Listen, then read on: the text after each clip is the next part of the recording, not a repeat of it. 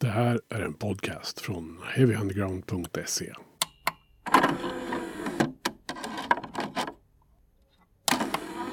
Heavy Undergrounds klassikerserie rullar vidare och eh, jag tänker att vi ska prata om en skiva som kom den 29 september 1992. Eh, och eh, vi pratar naturligtvis om Alice in Chains monumentala platta Dirt. Och för att diskutera denna, detta mästerverk eh, så har jag tagit hjälp av min gode vän Mischa Sedini. Välkommen! Tack så mycket, tack! Du, eh, välkommen tillbaka till podden. Mm, kul att vara här. Mm. Det börjar bli några sittningar mellan dig och mig nu. Jag höll på att säga det, vi måste sluta träffas så här. Liksom... eller så fortsätter vi. Eller så fortsätter vi. Snart börjar, det är tredje gången tror jag du är med i den här podden nu på ett år eller det... någonting. Så att det är en tradition det här nu. Jag tror att det är så här våra fruar föredrar att vi träffas. Mm.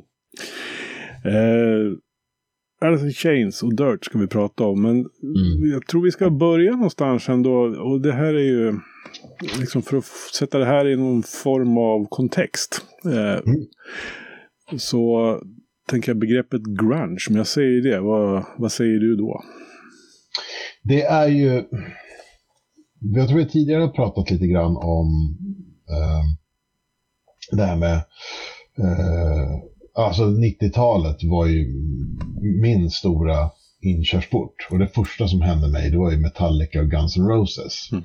Det var ju mina liksom, wow. Uh, ja, som sagt, Slash när han spelade på barbröstad på Wembley på Freddie Mercury-galan. Det var ju då jag beslutade mig för att spela gitarr. Mm. Men i samma veva, ganska tätt in på det, så kom ju Nirvana. Och uh, sen kom ju Pearl Jam. Och sen det här året så kom ju ja, andra saker som uh, Red Hot Chili Peppers och, och, och, det var i och för sig inte grunge. Men eh, Stone Temple Pilots kom och sen så kom ju faktiskt eh, band som heter Alice in Chains. De hade ju släppt tidigare, eh, men jag hade inte snappat upp dem tidigare. Mm. Utan det, det, det första jag snappar upp är Wood, som ju får tung rotation på MTV. Och där är man ju liksom golvad från stund ett. Mm. Uh, så att grunge jätteviktig för mig faktiskt. Mm. Uh, sen ska jag nog erkänna att i början så var nog för mig de här, vad ska man säga, stora banden. Mm. Uh, Soundgarden var ju där. Uh, och sen så kanske inte nödvändigtvis var supermycket mer grunge. Medan det i senare år har jag gått in och lite mera tittat igenom kartoteket och börjat lyssna på lite såhär Mudhoney och, och, och, och, kanske lite andra mer, lite mera ja, underground grungebanden då. Ja. Bredden på scenen. Jag tycker det är så här med grunge, det är ju liksom omöjligt att säga hur det låter. Så det, är, det, det är ju inte en, liksom en konsekvent musikstil på det sättet egentligen. Utan det man, för mig i alla fall, för det man räknar in där, och bara de namnen du har nämnt. Mm. De, de, låter ju ganska olika varandra. Liksom. Ja. Det är ju väldigt skillnad på Nirvana och Alice in Chains. Liksom. Ja. Och sen är det ju så här, jag skulle nog säga att Nirvana är grunge. Det skulle jag säga. Mm. Jag vet inte om jag skulle vilja säga att Soundgarden är grunge. Nej. De tycker jag är inhysta i det. Mm. Uh, Alice in Chains är nog grunge, även om de har väldigt starka metal-element. Mm. Jag vet inte ens var ordet kommer ifrån. Men jag tror, var det inte Seattle-folket själv som, jag tror att det var Subpop-grabbarna mm. som hittade det. Okay. Eh, eller någonstans, eller om det var Susan Silver som någonstans i någon intervju sådär, men vad kallar ni er stil och någon bara, grunge. uh, vilket är jättekul, för jag har läst så mycket roliga... Uh, du skickade en länk till någon, till någon jättebra grunge-dokumentär på YouTube. Ja, just det. Uh, och den är ju så härlig för att de, det, det är ju så här... de intervjuar ju någon, någon kvinna som jobbar på Sub Pop. Mm. Och alla de här, äh, du vet, alla de här tidningarna ringer ju till dem och rockjournalister är ju rockjournalister. De är ungefär lika dumma som de här stora pompösa rockstjärnorna. Så när hon ringde dit och ställde en massa frågor, hon hade inga svar, men till slut ledsnade hon så hon började ge svar. Men hon hittade på nya svar varje gång. Och till slut så blev det en sport över hur mycket kan jag ljuga och de fortfarande köper vad jag säger och trycker det här i pränt. Så att grungen är formad väldigt mycket kring just den här, ja men liksom samma typ av ironiska generation som vi hade med Nile City och allt det här. Mm. Det, det, är liksom, det är Seattles grej att mm. de hade det. Att samtidigt som de eh, hade sin lilla subkultur så gick inte att sätta fingret på det. För de visste vad de var en del av men det gick inte att berätta för någon annan vad det var. Nej. När vi ändå är inne på Seattle. Eh, vad var det som hände egentligen där? Alltså det var ju, jag vet inte om det går att sätta något årtal när liksom allting började. Det var ju väl ändå en våg av band från, från staden som liksom nådde någon sorts kritisk massa så att det började märkas nationellt och mm. internationellt. Ytterligare ett ämne jag tror vi har nuddat vid tidigare. Alltså, om man tittar på 80-talet på USAs musikscen så var ju då var ju alla de här, vad ska man, säga, man hade lokala listor, man hade lokala, eh, eh, ja, Okej, okay, tappar orden. Men eh, det, det, som var att man, man hade ju lokala radiostationer, de spelade ju alla lite olika musik. Och det som gällde i Seattle gällde kanske inte i New York. Och det gällde inte i Boston, det gällde, det annat gällde i Chicago. Så att så det fanns den här, du kunde vara stor i din egen delstat, men utanför den så var du faktiskt ingenting. För det var bara i din delstat som man lyssnade på dig. Väldigt lokalt. Och eh, det här fortsatte ganska långt upp och det var det här som höll på i Seattle. Eh, sent 80-tal, början 90-tal. Mm. Man hade byggt upp sin egen interna scen. Eh, de pratar ju, många pratar ju väldigt mycket om att det kom inga stora band till Seattle. Det låg för långt upp. Det fanns liksom ingen ekonomisk vinning att åka upp dit och göra ett gig och sen åka jättelångt till någon annanstans. Mm. Så att inga stora akter kom riktigt till, till Seattle.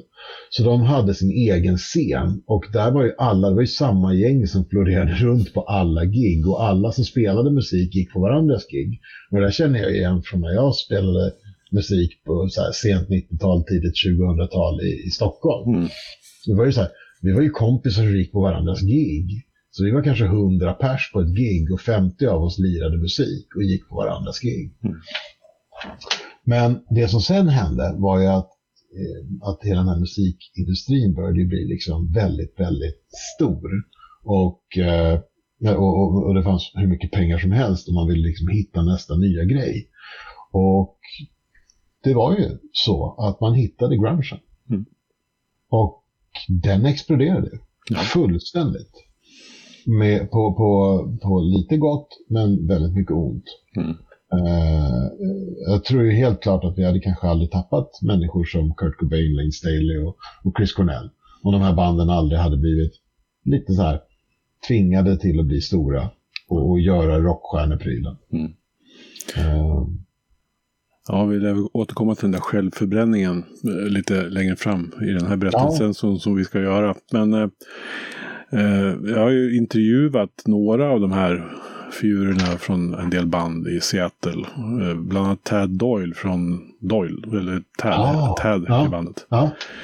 Och han, cool. han berättar ju lite om, alltså vi kom in på det just det här om att Seattle där i början på 90-talet, det var ju du nämnde ju radiostationer, men det fanns ju också jättemånga spelställen som folk gick på. Alltså klubbar som ordnade mm. konserter och alla, och som du berättade, liksom att man, man gick på varandras spelningar i stort sett.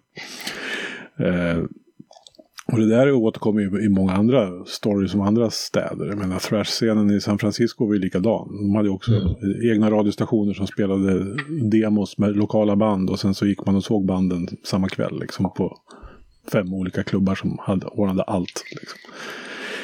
Men det Tad också berättade då, det var ju det att idag så, eller idag kanske det är bättre, men ett tag så vill ju inte staden se att det nästan kännas vid det här arvet heller.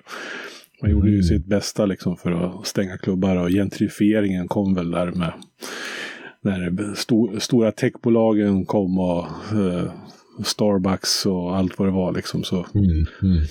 Och det kan ju ha varit det här med grunge, grungen och den livsstilen som på något sätt marknadsfördes.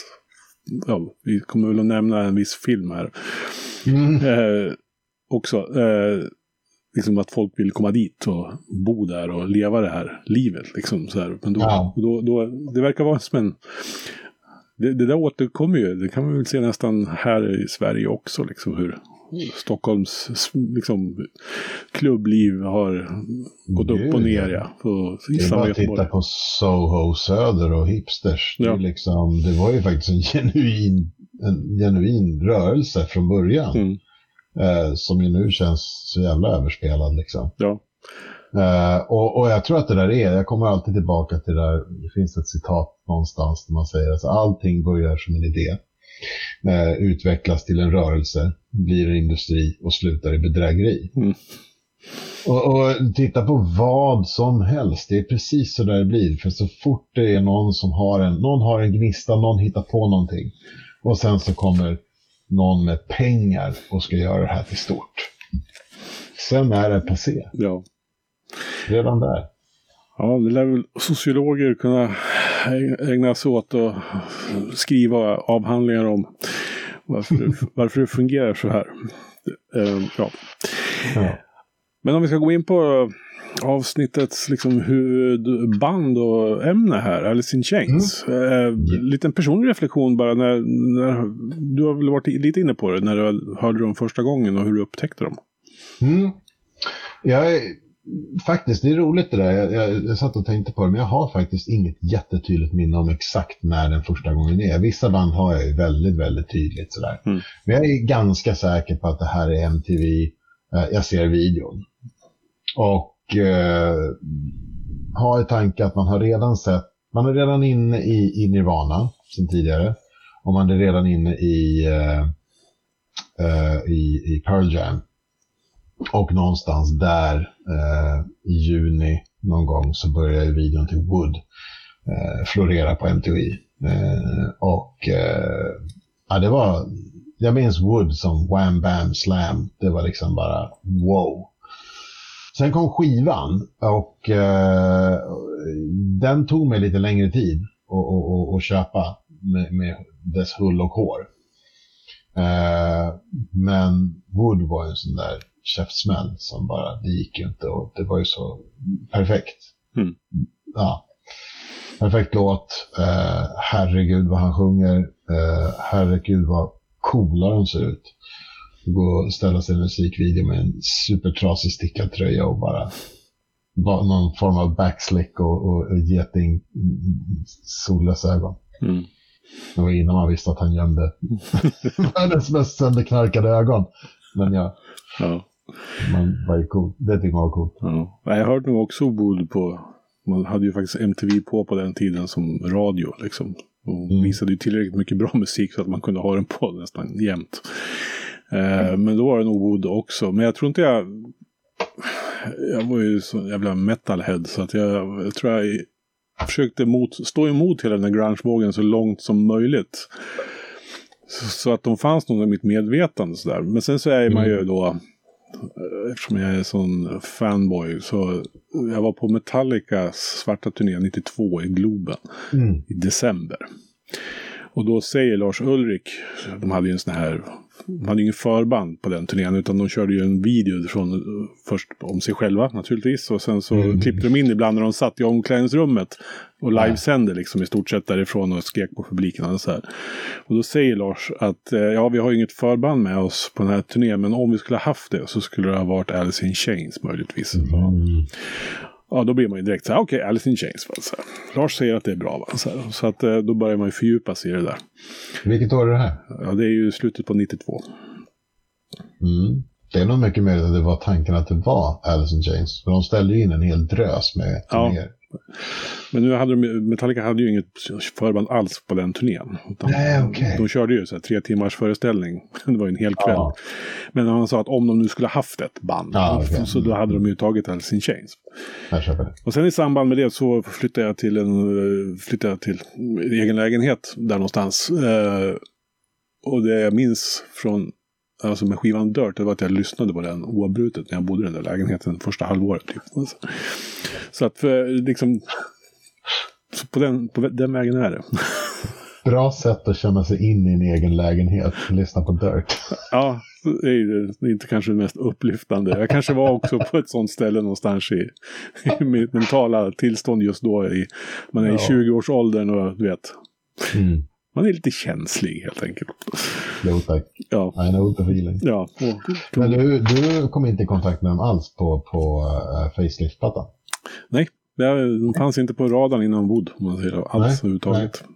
Nej, men det är spännande, för att jag, jag var ju jag säga, 13 då, när, eh, när Wood och eh, eh, Dirt kommer. Mm.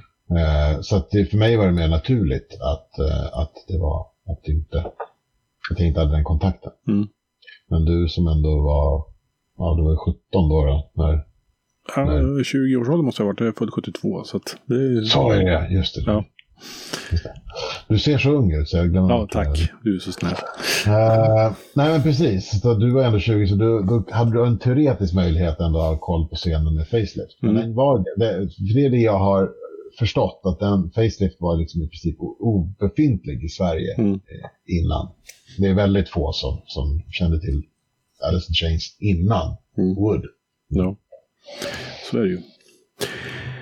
Ja, men eh, ja, facelift var bara för att liksom ta oss mot dirt här. Eh, mm. Eh, vad var det? De hette ju Alice in Chains först.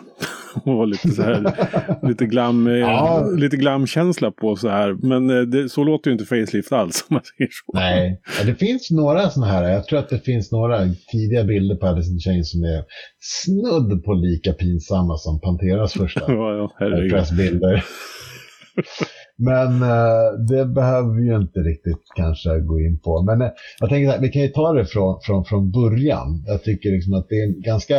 Jag har suttit och kollat lite nu uh, inför de här. Det är kul nu när vi gör de här avsnitten. Jag har ju tidigare suttit bara och skrivit lite på min Facebook-sida när någon, låt som, när någon platta eller låt som fyller 30 år. Mm. Men inför de här avsnitten så, så pluggar man ju på lite mer.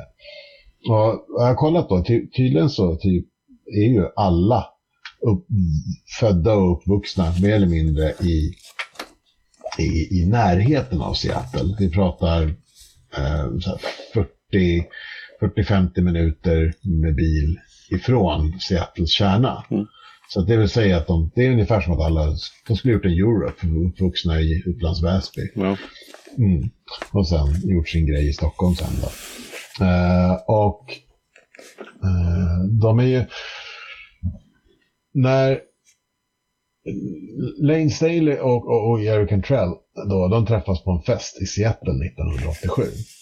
Och det bildas inget band då, men Cantrell är hemlös. Han har blivit utkickad och har ingenstans att bo. Så han får bo hos Lane Staley. Och där utvecklar de en vänskap. Som sen ska bli eh, så pass stark att de bildar band tillsammans. Men det dröjer. Eh, för Staley hade ju då det här gamla bandet Alice in Chains som Guns N' Roses. Eh, men ska tydligen ha döpt det till Alice in Chains före Guns döpte sig till Guns N' Roses. Eh, och, eh, och Cantrell hade ju ett band då som hette Diamond Lie och de hade splittrats och eh, han behövde en ny trummis.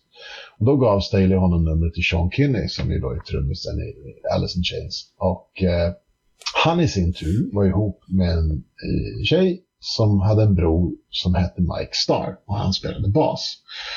Så de tre samlas och börjar lira ihop. Men de behöver ju en sångare. Mm. Och eh, Cantrell då tjatar ju lite på, på Lane att han ska bli sångare i det här bandet. Uh, men Cantrell har, eller förlåt, Staley har vid det här tillfället ett funkband som han eh, fokuserar på. Ett funkband. Jag har försökt hitta någonting med, men jag har inte hittat någonting. Eh, eh, det hade varit kul att höra. Eh, och, eh, men då kommer de göra en deal att, för att Lane Staleys funkband behöver en gitarrist. Så att Cantrell lovar att hoppa in som gitarrist i funkbandet om, om Staley börjar sjunga i, i hans band. Och så gör de ett tag. Och, eh, men de vill ju att han ska, Staley ska börja sjunga på heltid. Så de börjar göra auditions med en massa dåliga sångare bara för att retas med Lane. Mm. Och eh, tydligen så är det här storyn som de håller till och ja, du vet ju hur vi är. En bra story är en bra story. Absolut, vi kollar inte upp den. Eh, nej, absolut mm. inte. Så att det som är sant i det här fallet, det är att, att de till slut så tar de in en manlig strippa för en audition. och, och då blir Lane Staley så förbannad på dem så då, då, då hoppar han av sitt funkband och, och, och hoppar på Alice in Chains. Mm. För att, ja, för att de inte ska göra bort sig fullständigt. Ja. De verkar ha träffat på varandra lite, apropå då att Seattle är en liten egen scen. Jag har, ju, jag har ju en bok som jag brukar hänvisa till som heter Everybody Loves Our Town, A History mm. of Grunge av Mark Jarn. Som jag tror att du kommer få skicka till mig. Som ja. jag kan läsa. Det är ju liksom en sån här oral story liksom, där folk mm. bara berättar och då har de intervjuat alla möjliga människor. Inte bara stjärnorna så att säga. Utan det är fans och det är folk som gick på spelningar. Och så där. Men Mike Starr han berättar om att han inser att han måste ha träffat Lane Staley några år innan allt det här hände. Mm. Eh, utan att de visste om det då. Ah. Uh, jag kan ju bara citera boken. Uh, I guess I had met Lane a couple of years before, but I don't remember it. It was on acid. I was on acid at the time. I was so high I couldn't even dress myself, so I wore a bathrobe with underwear on, and my sunglasses and my cowboy boots, and rode my Honda motorcycle to the beach. I heard Lane saying on a New York radio station one time, when I met Mike Starr, he was on a Honda motorcycle in his bathrobe and his sunglasses. I said to myself right there, that's the kind of guy I want to be in a band in. Så att de verkar ju liksom ha cirkulerat runt varandra mm, allihopa så här som, som man ja. gör liksom. Det, jag tycker det är lite så här, det, det finns något fint i det. Ja, verkligen. Mm. Sen ska jag väl liksom, sen ska jag väl, vad ska man säga, eh, eh, lite gin till mitt skratt yang så kan man väl säga, nämna att båda de två idag är död på grund av ja. droger. Så att ja, det faller sig lite plumpt också. Men absolut, det är en fin fin historia om hur man träffas som vänner. Ja, jag kan ju tillägga att eh, de, det är rätt många i den här boken som dör i slutkapitlen. Så är liksom, ja. det, är typ ja. bara, det är bara Jerry Cantrell kvar, höll jag på att säga. Men så här som, som är någorlunda glad. Liksom. Och det är väl egentligen någonting jag tänkte komma in i senare i det här avsnittet, men jag kan liksom redan nämna det nu. Det, jag tycker att det är det lite som också gör Dirt till det mästerverk det är. Mm. För att de är 25-26 år gamla när de skriver den här plattan. Och fortfarande så är det den mest nakna och ärliga skiva jag har hört om mm. drogmissbruk. Mm. Och det finns ju ett par låtar som är så här, ja ah, men vadå, de glorifierar. Mm. Det finns en låt som är glorifierande. Hela poängen är ju att sida B på den här har ju ett, en serie med låtar. Om man hade vinylen, om man satte på sida B, då börjar med en glorifierande låt. Sen blir det en, en, en, liksom en, en ganska eh, ja, så här spacig låt om typ det är coolt med knark, men oh shit vilka jävla dalar. Mm. Och sen går det bara utför. Mm. Och sen avslutar det med Wood som i princip är ja, ett ge upp. Mm. Så att det är liksom eh, det är lite sån här, äh, vad heter den? Uh, Fear and Loading i Las Vegas. Ja, just det. Den blir ju ibland anklagad för att vara drogliberal. Mm. Och jag brukar alltid säga att tycker man det, då har man fan inte sett den andra timmen. För blir man sugen på att knarka efter man har sett den andra timmen av den två timmar långa filmen, mm. då är man lite dum i huvudet. Ja. Men vi är inte riktigt där än. Nej, eh, förlåt. Det är lugnt. Eh, facelift. Eh, ja. När de har fått ihop bandet här. Mm. Och liksom bildat Alice in Chains. Just det. Då spelar de in ett demo. Ja. Och med den, den demon hamnar ju i Susan Silvers händer. Och Susan Silver har jag nämnt tidigare och det är ju, hon är även känd för att vara, eh, ha varit eh, Soundgardens manager. Mm. Och eh, hon eh, tycker det här låter bra och det här landar i Jeffens, nej, Columbia Records händer. Mm. Eh, och de blir så till sig så att de signar ju Alice in Chains på direkten. Men innan de hinner släppa eh, Facelift så spelar de in ytterligare en demo. Och de spelar ganska flitigt i, i Seattle. Mm. Uh, så att de hinner jobba upp sig ett live-rykte. De är ju... Uh, man kan säga, det finns ju några band som har blivit liksom stora i, i, i sin egen scen. Uh, och några av dem, Pearl Jam, de gick ju ganska raketfart. men Soundgarden var ett sånt band som de hann ju släppa ett par plattor, tre plattor till och med, innan det faktiskt blev någonting mm. Stort av det hela. Mm. Och Alice in Chains var ju lite så. De spelade ganska mycket på sina demon och bildade en, en stor fanskara i Seattle innan det blev Facelift. Mm. Och när Facelift släpps då händer inte supermycket. Uh, jag har läst att uh, den sålde blygsamma 40 000 ex, vilket på den tiden var ju inte supermycket mm. när man var signad till ett stort bolag. Uh, men sen släpper man Man in the Box som singel och video. Den får heavy rotation och sex veckor senare så har man sålt 400 000 exemplar. Mm. Så att Man in the Box gjorde ju en jättedeal. Och det, det är här någonstans uh, som, ja, som Seattle faktiskt börjar. För det här är, det här är 90, 1990. Det här är innan Nirvana, det här är innan Pearl Jam. Men när Man in the Box säljer, eller vad säger, Facelift har sålt 400 000 exemplar. Där börjar bolagen fatta att det finns pengar i den här stan. Mm. Mm. Um, ja, men sen då? Dirt. Alltså hur hänger det här ihop? Dirt. Alltså när Facelift släpps och de säljer så här många exemplar då ger ju det några turnéer. Och de är ute på turné med, med Iggy Pop, Poison, Extreme, Slayer och till och med Van Halen. Uh, Sammy Hager har, ser ju videon till Man in the Box på MTV och säger att de ska följa med oss.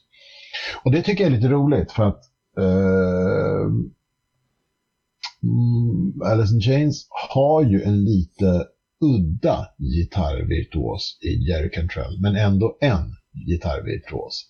Han har en väldigt, väldigt speciell spelstil eh, som bygger på ganska enkla riff, men sen gör han ljud och, ja, och harmonier som är väldigt, väldigt udda och väldigt öronmärkta honom. Mm. Så att eh, det är kul ur den aspekten att se liksom just eh, större eh, akter, eh, mer erkända akter som de verkligen plockade upp eh, Alice in Chains som en, en genuin akt. Mm. Uh, det här gör ju att man i, i, i, i uh, ja, man, man, man, man, får ju liksom en, en, större fanskara och då får man någonting att bygga på. Och då ska man ju gå in och spela en ny, en ny platta. Och eh, i slutet av 91 då så går man in i studion för att spela in en låt för eh, eh, ett soundtrack till en film. Eh, och den filmen har vi nämnt tidigare. Eh, det är ju Singles. Just det. Eh, Cameron Crowe.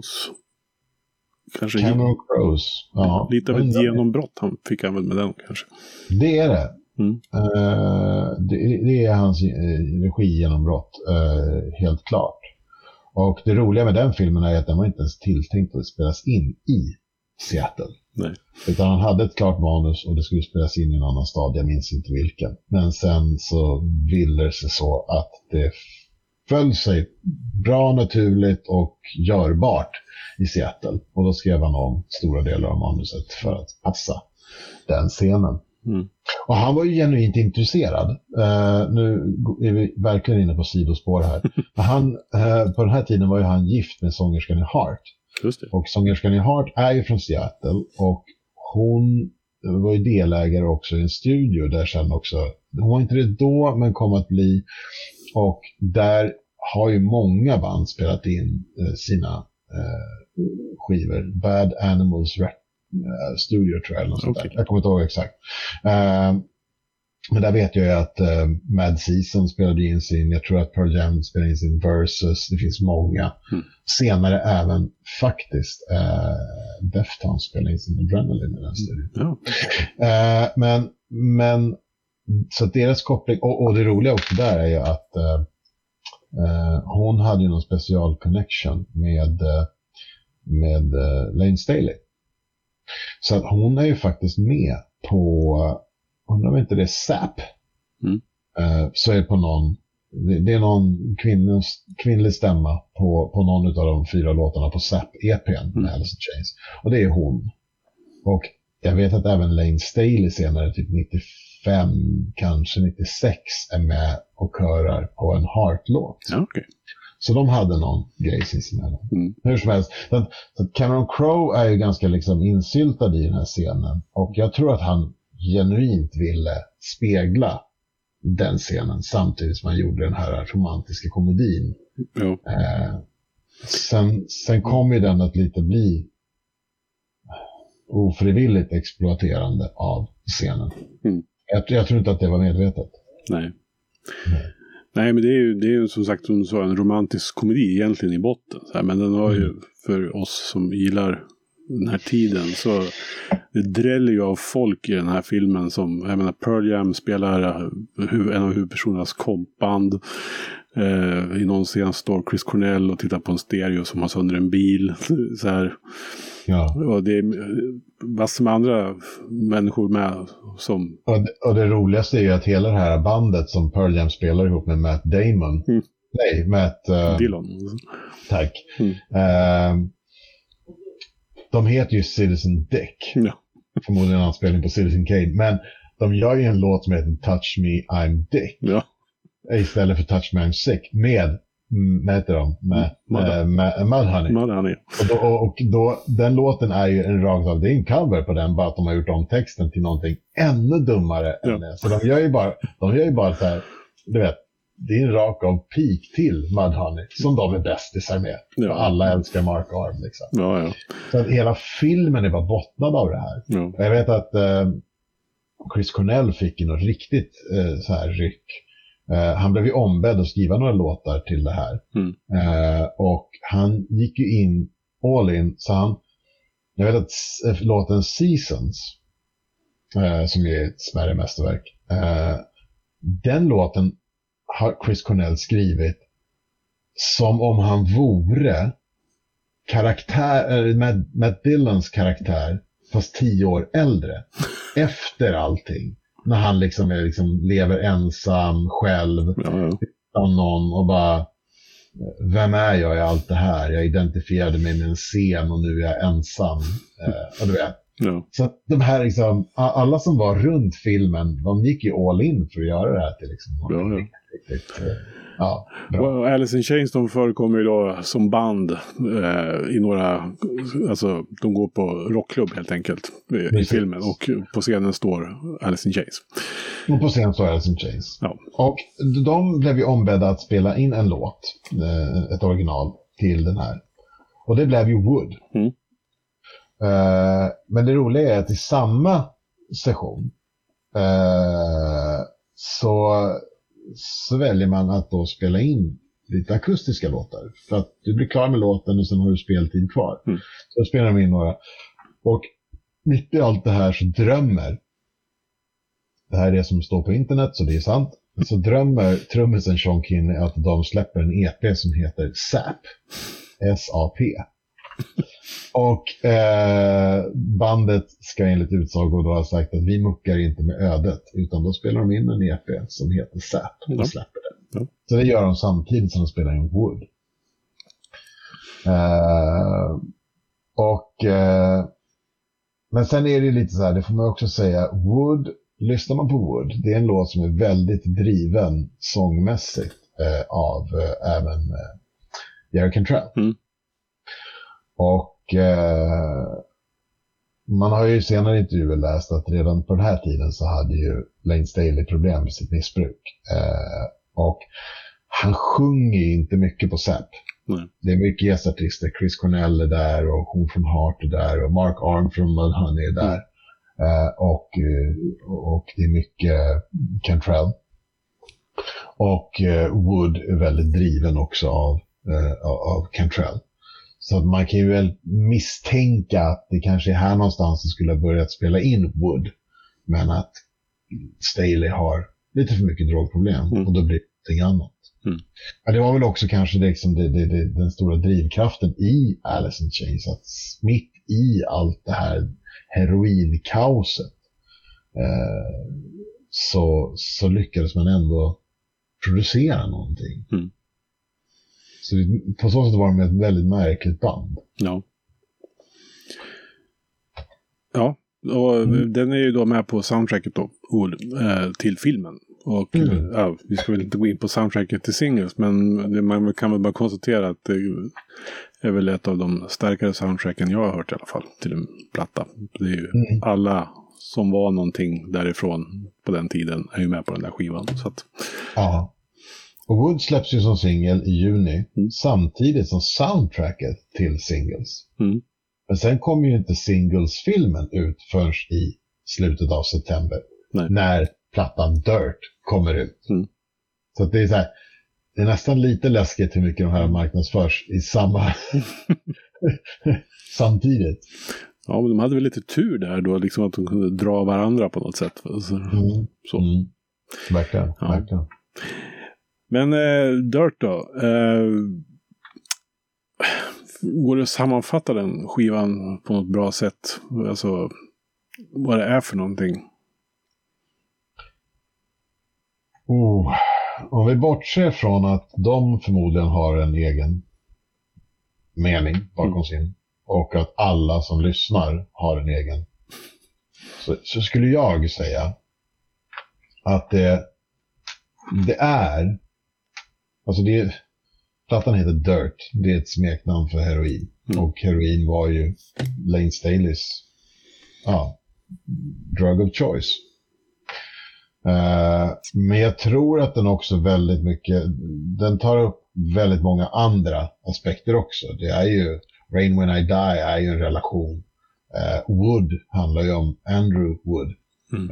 i- sångaren i Mother Love Bone som dog av droger. Eh, eh, vad heter det? Damn, nej, eh, jo, Damn That River. Damn it River, ja precis. Det är ju Jerry Cantrells sjukt barnsliga låt om när han blev sur på Sean Kinney. Eh, som så här tramsigt bråk de två emellan som blev den låten.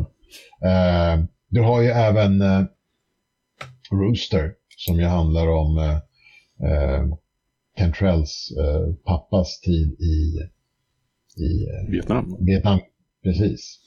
Som, som han skrev utan att veta något, för hans pappa har ju aldrig berättat någonting. Nej. Han väg, hans pappa vägrar berätta om det. Så att Cantrell har skrivit en låt om sin pappa om den tiden. Helt ovetande om hur det faktiskt egentligen var. Men jag förstår ju varför han kände att han behövde skriva låten. Liksom. Mm. Och sen, eh, vad heter den då? Eh, och den här jättesockersöta balladen de har. Eh, Down in a hole. Tack. Mm. Eh, och den var ju någon sån här relationsgrej mellan Cantrell och hans tjej. Eh, som var lite så här, hon ville att han skulle stanna hemma och han kände att han behövde inte vara så vinklippt utan flyga ut då. Ja. Så att det är en ganska spretig platta. Men jag vet, jag läst på och hela sida B, om man nu lyssnar på vinyl, alltifrån Sickman och framåt, eh, är ju eh, är ju någon form av story om någon som börjar med tunga droger och om hur det först ses som någonting kul och glamoröst och sen blir det ett beroende och sen blir någons tragiska slut. Mm. Vilket ju också är någon form av, det blir lite läskigt där, för det blir ju nästan som en självuppfyllande profetia för Lane Staley. För han levde ju verkligen det. Går man igenom de låtarna där som ingår i den här drog, eh, ja, Friendsin, så, så, så är det i princip hans liv man beskriver. Ja. Mm. Ja, jag håller med. Den är ju spretig som sagt. Den har ju...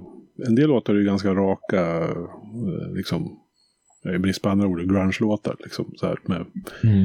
eh, men sen så kommer de här, jag menar, titelspåret och sådär, de låter ju inte, alltså, det svävar ju ut lite grann om man säger så.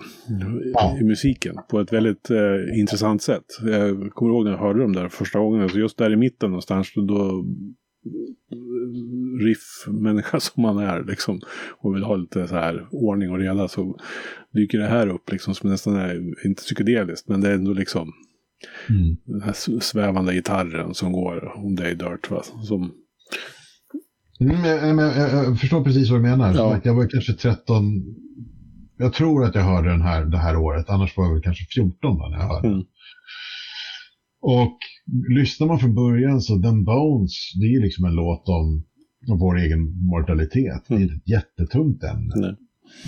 Damn that river, fine, det är liksom en liten arg låt. Rain when I die, did you call my name? Okej, okay, det, det, det, det är ja, typ romantisk låt. Ja. Sickman, ja men då börjar man komma in på lite så här, ja men du vet, lite droger och han är lite hög och det snurrar runt och sådär. Det... Men precis som du säger, så har man kommit in på Dirt. Och han börjar, I want you to scrape me mm. from the walls and go crazy like you made me. Och så med alla de här orientaliska tonerna och Lane Staleys röst. Är man 13-14 och hör det där, det sitter ganska, det, det sänder ganska kalla kårar genom ryggmärgen. Ja, sen så hör man ju, så, hans sång är ju, just i Dirt också, han drar ju så liksom på orden. Ja, liksom, mm. och, här, och så den här lilla stämsången som de alltid har, gör ju liksom att man, det fastnar ju. Mm. Man, jag, kan ju fort, jag kan ju höra det där liksom bara, jag tänker på låten så hör jag ju hur den, hur det låter. Mm. Liksom, sådär. Just sångmässigt. Med den här, och så gitarren i bakgrunden. Liksom, som... Och det som var Lanes grej, det var ju att han... Man har ju sett live-grejer. Och visst, de är bra. Mm. Men den fullständiga närvaron är inte nödvändigt där. För han är hög när ja, han är ute. Men om jag har läst det rätt, alltså det de beskriver är att för, inför varje session då går han in och slutar cold turkey. Mm. Så att han hade ju liksom, vissa artister var ju så här, de måste ju ta, det.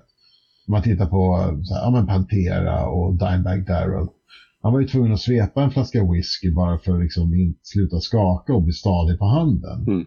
Sen kunde de gå upp och gigga. Och så vissa har ju det här att de måste ta droger och supa för att liksom det ska bli bra. De ska hitta sitt kreativa. Men Lane, han var ju faktiskt prick tvärtom. När han skulle in i studion, då bara cold turkey och sen gick han in och gjorde. Så han är ju alltid emotionellt väldigt närvarande och det är förmodligen för att han liksom genomgår någon form av liksom avtändning i studion. Mm. Ja, så det är, och det hörs tycker jag när han sjunger. Mm. Eh, det andra jag tänker på när jag tänker på Dirt, och det är ju alltså, jag hade ju inte tänkt på det från början då. För då var det bara en bra platta. Men sen när man insåg hur viktig den här stämsången är som eh, Lane Staley och, och Jerry Cantrell har. Mm. Och liksom hur, vilken gigantisk bit av deras sound det är. Mm. Eh, och det finns ju inget, jag kan inte komma på något annat band liksom som har det där. Eller hade det där som de, eller som de hade liksom. Nej, och de, och de vandrar ju på en sån tunn tråd mm. med det. Alltså så fort någon säger stämsång och så försöker du nämna det i samma mening som grunge. Ja. Då kommer ju folk börja spotta på det. Mm. Men det var ju precis det de gjorde. Mm. De var ju, och det där är ganska roligt, det gjorde ju de till det glammiga gänget i The Grunge Bunch. Ja. Uh, men sen var ju också Alice in Chains det band som... Så tack så jättemycket för att ni var med. Tack själv. Tack så mycket för att vi fick vara med. Scenen. Från andra sidan så fick de med sig folk som faktiskt från början egentligen mest bara gillade metal. Mm. Och de flest, jag tror att många som var metal och som inte gillade grunge kan ändå säga Nej, fan jag hatar grunge. Alltså, fan vad jävla sämst. Men Alice in Chains var bra. Mm. För Alice in Chains hade lite ändå det här äh, känslan för någonting mm. som gjorde att det var mer, mer åt metal-hållet. Mm. Uh, utan att vara metal. Mm. Och så hade de stämsång. Mm. Och vissa refränger är liksom, vissa refränger är så vackra som man liksom håller på att gråta. Mm. Och sen är det vissa grejer som bara skitiga och smutsiga som man, ja. Jag vet, de... jag vet inte, det skulle ju vara intressant att höra alltså, inspelningarna bara med sången. Alltså, jag vet inte om det finns någon sån här dokumentär, det brukar ju finnas det. Om inspelningar av plattor, classic albums eller vad de heter. Men då kan man ju sitta och nörda ner sig liksom i, i tagningarna. Liksom. Det skulle ju vara jätteintressant att höra hur det där lät. Ja, får nästan youtuba. Man brukar kunna youtuba isolated vocals. Ja, och så tar man sin favoritlåt. Ja, nej, men det skulle vara spännande att höra de där mm, mm. tagningarna när de sjunger tillsammans. Och liksom, så, så, man skulle höra liksom dynamiken på riktigt liksom i det där. Ja, men det, det, den hör man ju nästan i musiken. Men jag skulle, absolut, jag håller med dig. Det är ju, Jerry Cantrell har ju en ganska snäll och vän röst. Mm. Uh, sådär när man lyssnar på Jerry Cantrells soloplattor, det funkar inte för att den hela tiden är så snäll och vän. Mm. Uh, eh, Medan precis samma sak. Det, jag tror inte att Alice in Chains kanske hade funkat prick lika bra om inte Jerry hade legat där bakom mm. hela tiden och funnits som den där, ja. Det är ju det som gör det unikt på något sätt. Mm. Stora sångare finns det ju gott om inom grunge-scenen, men liksom just det där soundet som fick till tillsammans. Det... Ja, och sen tänker jag på, återigen, ja, äh, Lane Staley var ju den som verkligen pushade Jerry att sjunga. Mm. Han tyckte att det fanns en röst i, i Cantrell. Mm. Och det verkligen är ett, vad ska man säga, ett tecken på det brödraskap de hade i musiken. Mm. Att det var inte som att Lane var sångaren i bandet. Han bara, nej men fan sjung, sjung. Mm. Och, och Jerry Cantrell var sådär, men fan skriv låtar. Så, att, så, så om vi tittar på så här Angry Chair och, och, och, och någon mer. Um, det är ju låtar som, som uh, Staley skrev. Och som han som också spelar gitarr på. Mm. Men annars var de ju ett engitarrband. Men det var ju Cantrell som pushade honom att skriva låtar. Så de, de, de verkligen, de var fans av varandra. De ville mer av varandra i sitt band.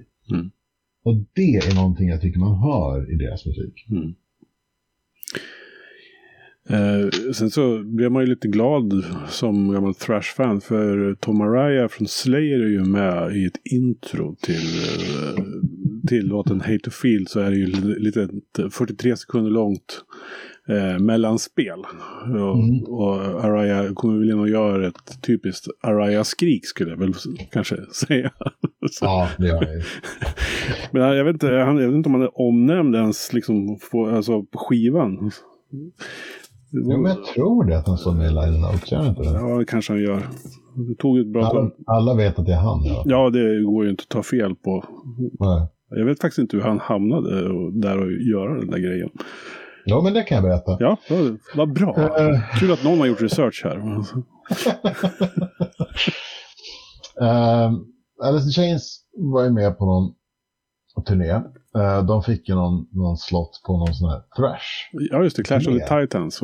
Ja, ja, och de var ju helt liksom, det, det vart inte poppis. Nej, de ersatte ja. Anthrax tror jag på USA-delen på den turnén. Bad choice. Tillsammans med Men de blev ju lite bästisar med just Slayer och i synnerhet Tom Araya. Och när de sen ska spela in Dirt, det gör de ju delvis i Los Angeles. Mm. Och när de då är i Los Angeles för att börja spela in den här plattan, då startar upploppen. Just det. De berömda från 92 när polisen valde att misshandla eh, Rodney King. Mm.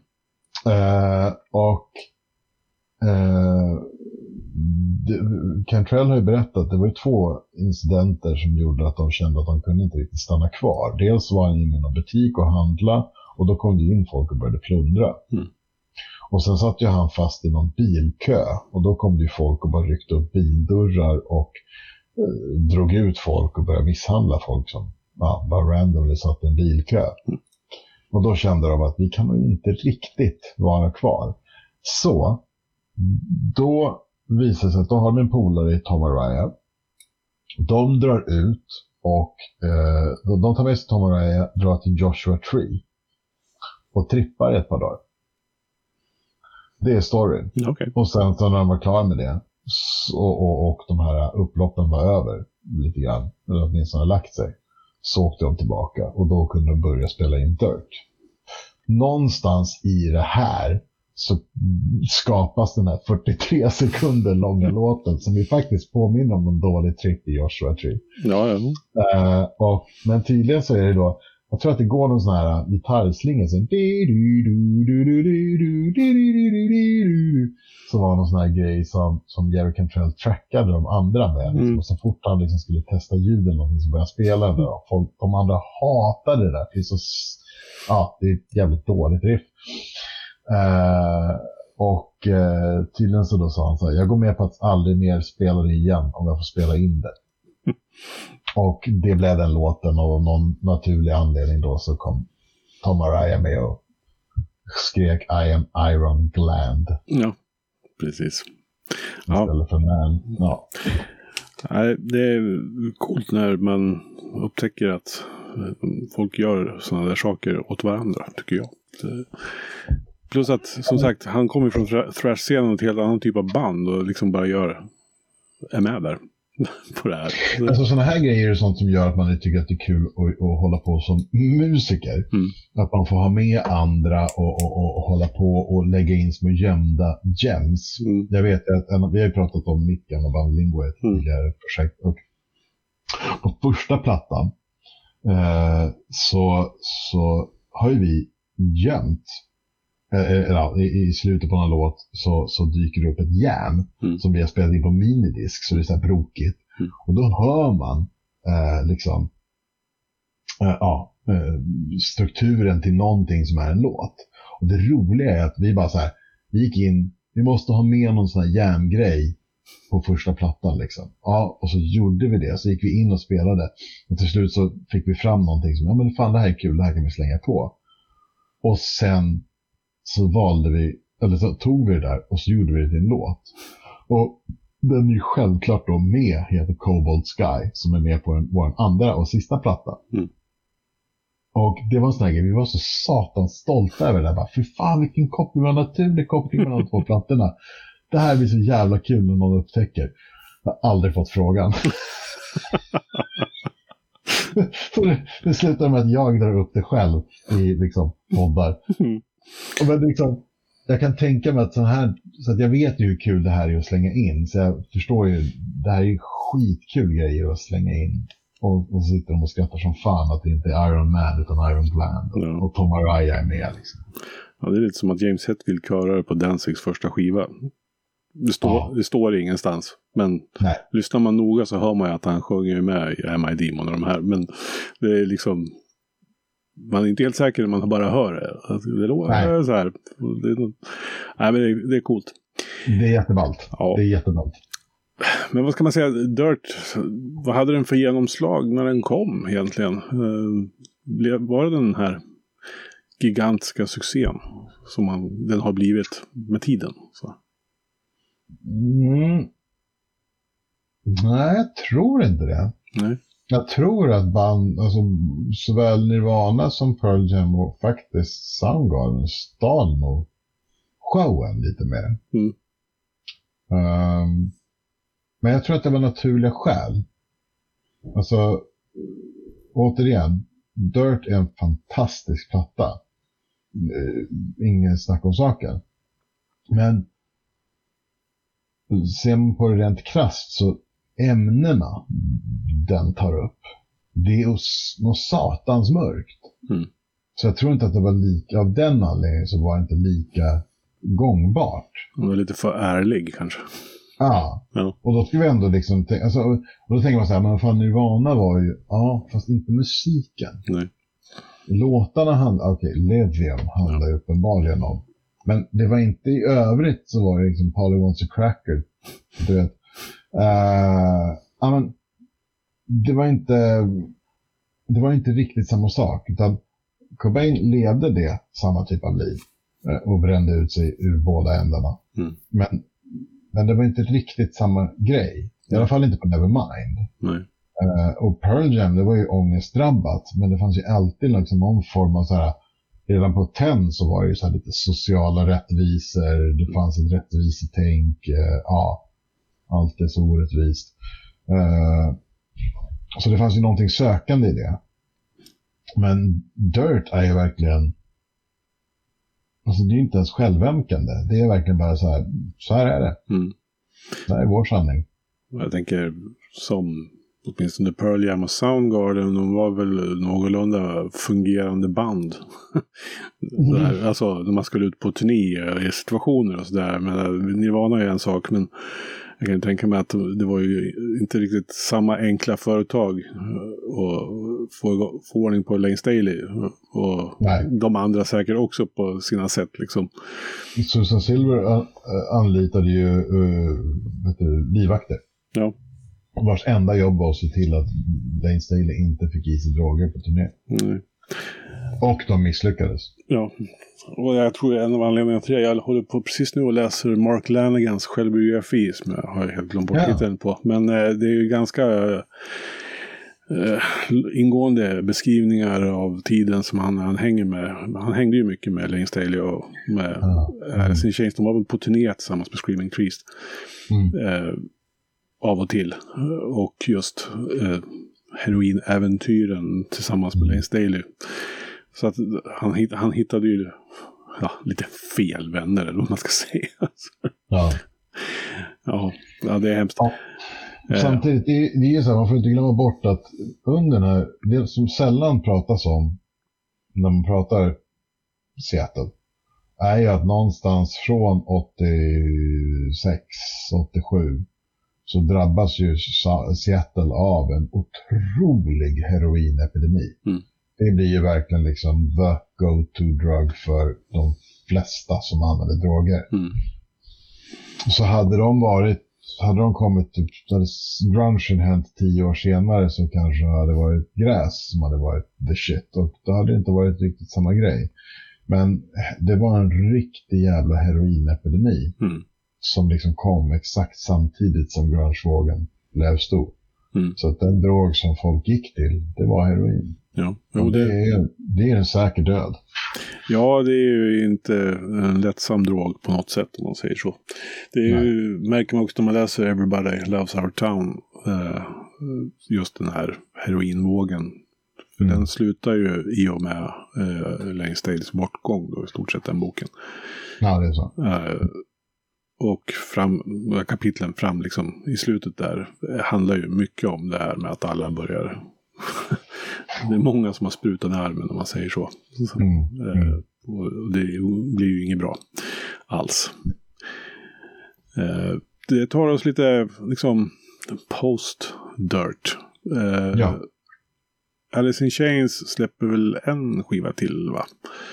Eller hur Ja. är det där? Den som bara heter Alice in Chains med hunden på.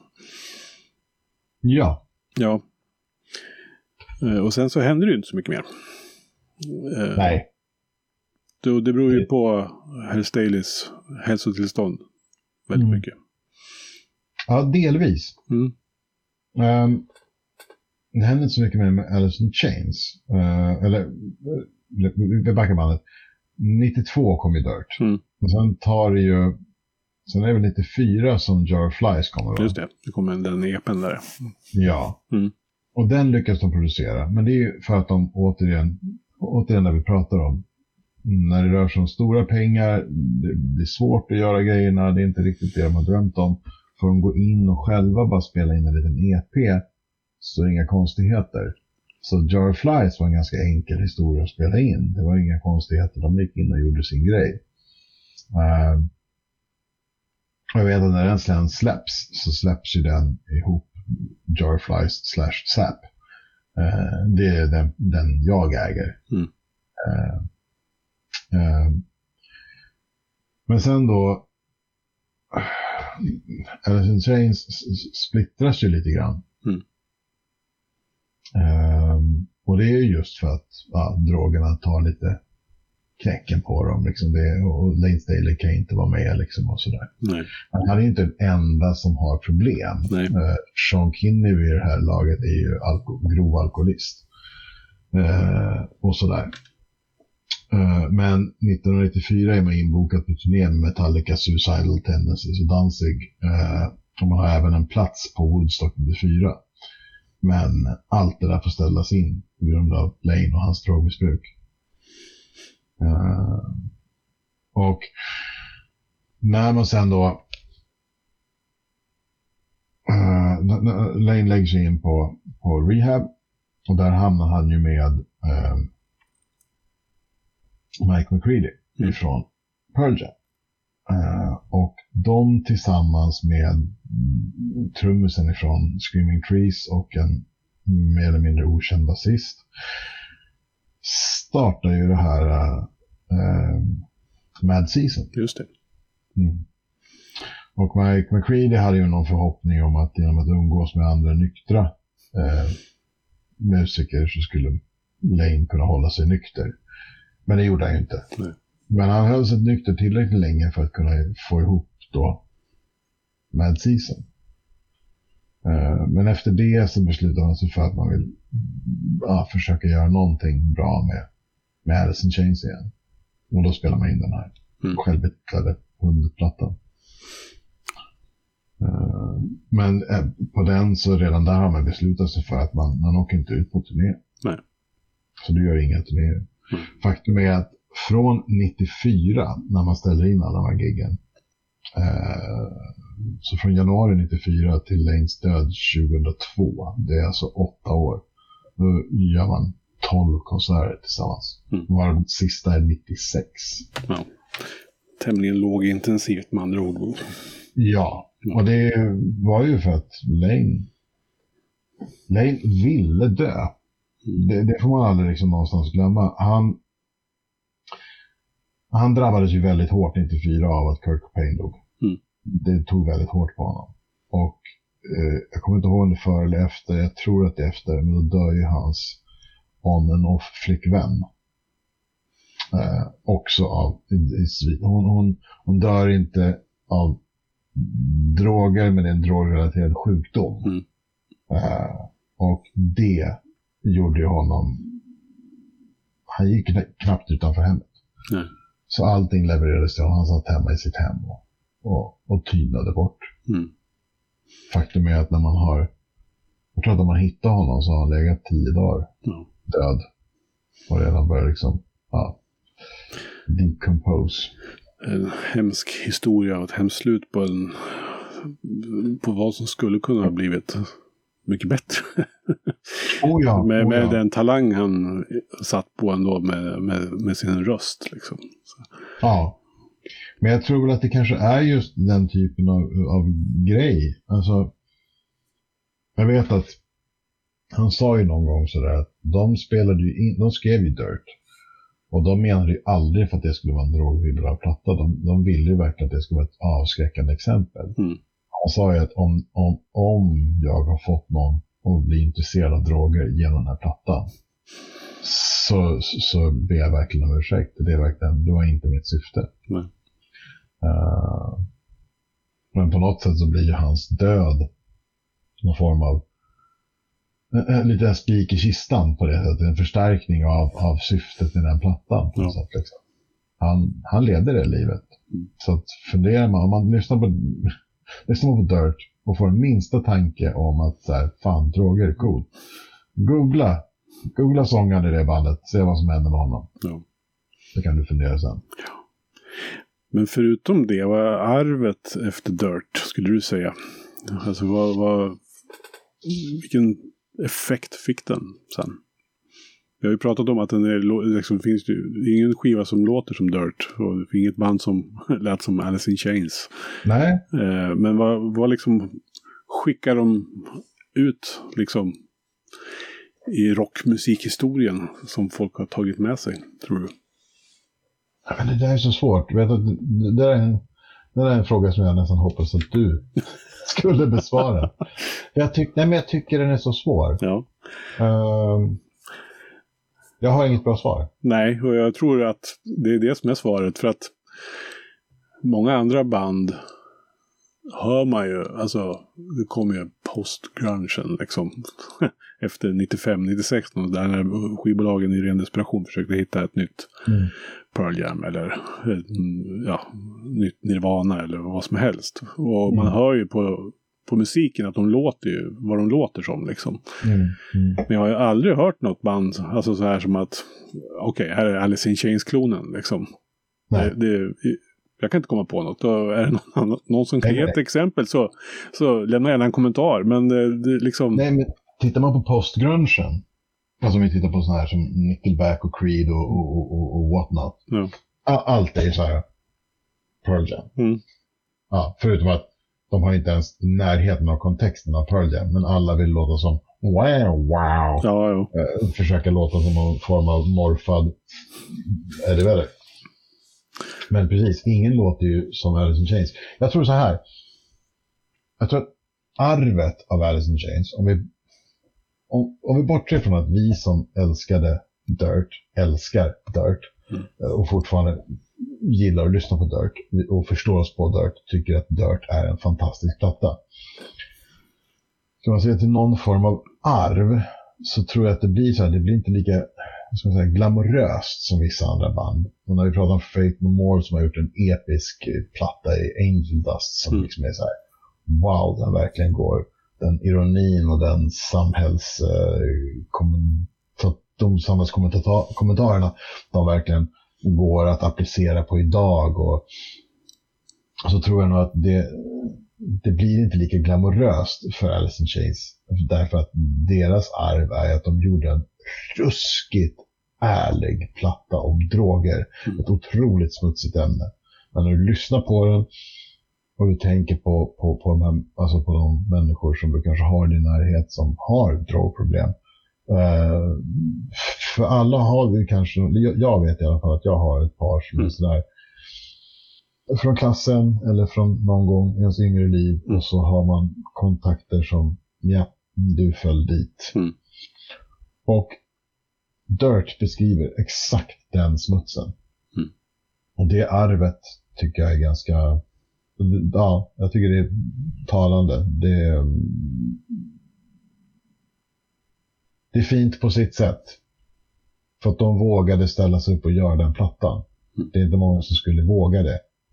För att återigen, de var 25 år gamla när de gjorde den plattan och jag har aldrig, varit, jag har aldrig hört, jag har hört mycket om droger i musik. Jag har aldrig hört någonting så naket och öppet och, och, och liksom ärligt. Får, får jag avsluta med en, en, en, en mer positiv not? En Absolut. kul anekdot? Absolut. Den här, det här skivomslaget har vi inte pratat om. Nej, just det.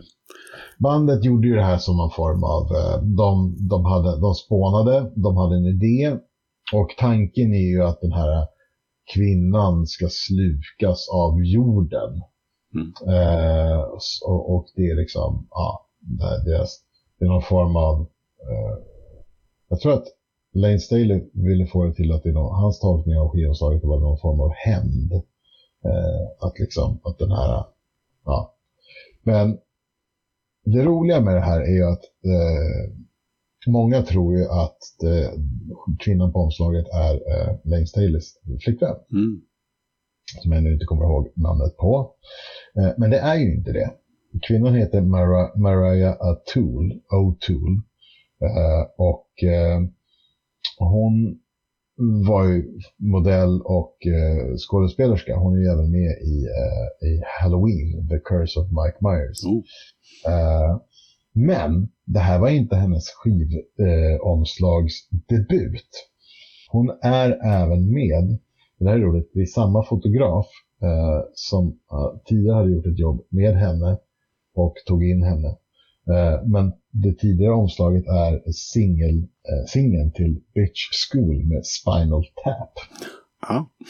Jag kan rekommendera alla som lyssnar nu att googla på Bitch School med Spinal Tap och eh, hitta det skivomslaget. Det är alltså samma tjej som är med på, på omslaget till Dirt. Se, där har vi ytterligare en sån här spin-off-grej liksom som vi pratade om tidigare. När man liksom små saker som finns lite överallt. Det är coolt. Total nerd. Ja. Och nu är hon även eh, förevigad i den här enorma jätteboxen av Dirt som de har släppt. Uh, Alice in Chains som bara går att få tag på genom deras egen webbshop för 2 500 kronor. Och ungefär lika mycket i frakt om man vill få den skickad från Seattle hit till Sverige. Men det har jag ju sett att när man öppnar locket på den här boxen så är det ju liksom ja. hela det här ökenlandskapet med, med mm. när hon ligger liksom lite halvt nedsänkt i, i, i, i plasten där. Box, boxar ja. ett jävla gift för ekonomin. Ja, det är ju det. Eh, så att, ja, den kan man ju kolla på om man vill. Mm. Ja, jag tror vi har kommit liksom till eh, historiens ände här om Dirt, i alla fall mm. för vår del. Här i Heavy Undergrounds klassikerserie och Mischa Sedin, det är ju som alltid eh, väldigt trevligt att prata med dig om eh, musik i en timme och tio minuter. Eh, Detsamma. Så, så att det här gör vi ju om, tycker jag. Det gör vi alldeles snart och det är med Rage Against the Machine. Som det sagt, Tack för att ni har lyssnat och eh, ja, det finns lite information i, i, anteckningarna till det här avsnittet. Så att, eh, lämna gärna en kommentar också om ni har egna stories kring Dirt och Alice in Chains. Med det sagt så säger vi tack och hej för den här gången. Du har lyssnat på en podcast från heavyunderground.se. Jag som säger det heter Magnus Tannegren och är den som producerar och intervjuar i den här podcasten. Vill du veta mer om det här avsnittet eller om podcasten i allmänhet? Besök heavyunderground.se eller leta upp oss på de sociala kanalerna på Facebook och Instagram. Tack för att just du har lyssnat. Hey, I met you. You are not cool. I know. Even when I thought I was, I knew I wasn't. Because we are uncool. I'm glad you were home. I'm always home. I'm uncool. Me too. You're doing great. You know, the only true currency in this bankrupt world is what you share with someone else when you're on.